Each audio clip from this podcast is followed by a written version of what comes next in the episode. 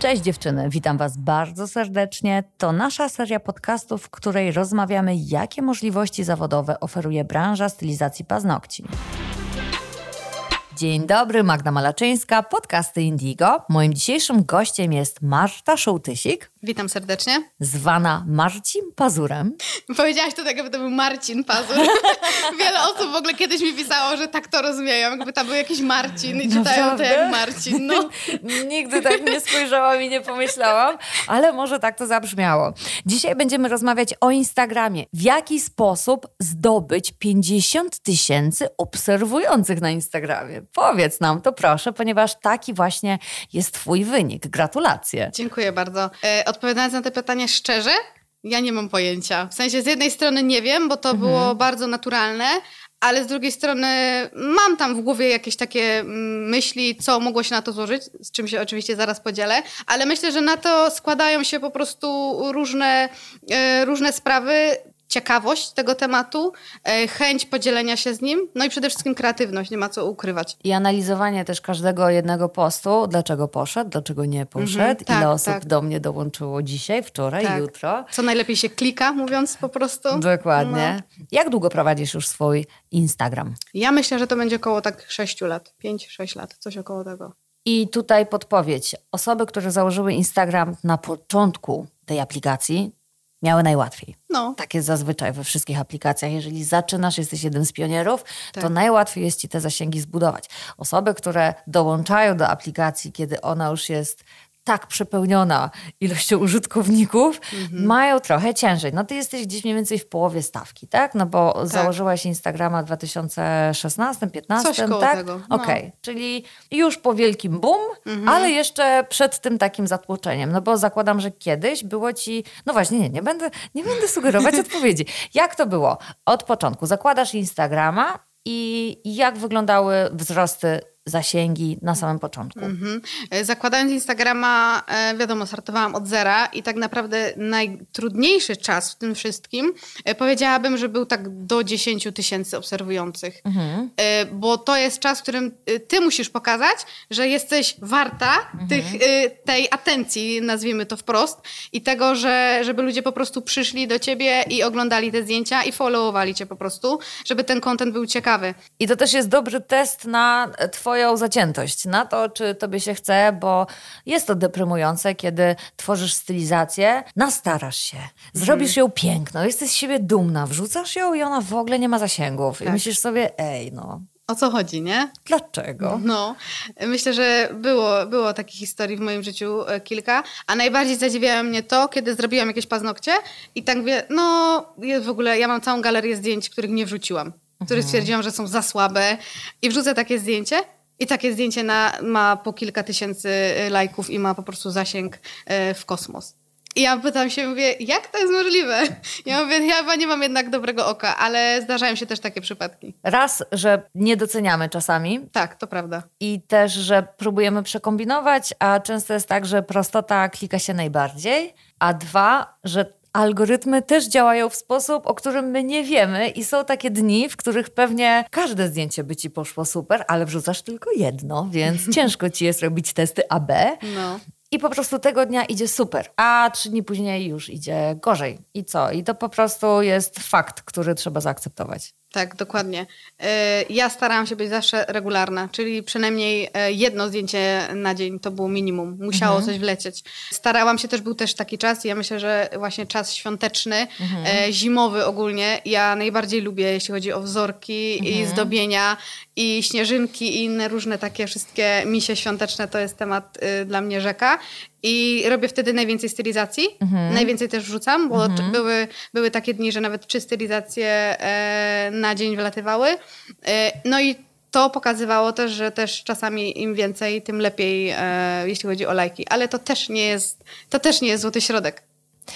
Super podpowiedziałaś teraz, myślę, wiesz, bo na, na, na YouTubie są tak zwane vlogmasy, Czyli Tak. w grudniu vlogerzy codziennie wrzucają materiał, a to jak pieką pierniczki, a to jak kupują prezenty dla najbliższych i Mhm. tak dalej. Każdego dnia wrzucają jeden odcinek. I jakby to przełożyć na nasze realia indigo designerów? No, myślałam nawet o tym już na tamte święta, żeby codziennie nawet nie tyle y, paznokcie, co po prostu taką inspirację, jakieś zdobienia na tipsie, że po prostu na każdy dzień e, w grudniu przypada jedno jakieś zdobienie i może wieczorem na przykład wlecieć jeszcze jakiś step by step do tego. I myślę, że to też byłoby fajne i to też, e, jeśli ktoś chciałby regularność poćwiczyć, to też pokazuje, e, że takie daily ma, mm, Ma sens. Ma sens, no. Jak się rozwijały Twoje zasięgi? Na początku te 10 tysięcy. Kiedy ten krytyczny próg przekroczyłaś? Po roku?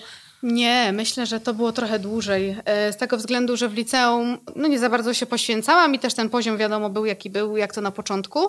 E, Myślę, że taki najlepszy mój moment był właśnie na studiach, bo wtedy też bardzo się temu poświęciłam, bo ja też chciałam innym właśnie pokazać, że to jest to, czego ja chcę. Ja nie chcę, ja nie chcę być nauczycielem, ja chcę iść w ten temat i muszę zdać siebie 100%, żeby to dało jakieś po prostu jakieś owoce. Czy był taki moment w prowadzeniu Instagrama, kiedy zobaczyłaś duże wzrosty?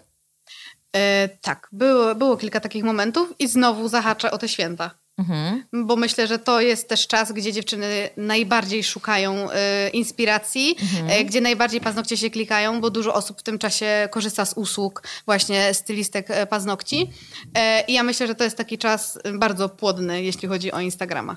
Prowadzenie Instagrama można porównać do inwestycji. Każdego dnia inwestujesz, czasami zupełnie ta inwestycja nie przynosi zwrotu, więc troszkę można hmm, mieć wzloty i upadki w motywacji, ale dobra, każdego dnia coś wrzucę, każdego dnia coś zrobię.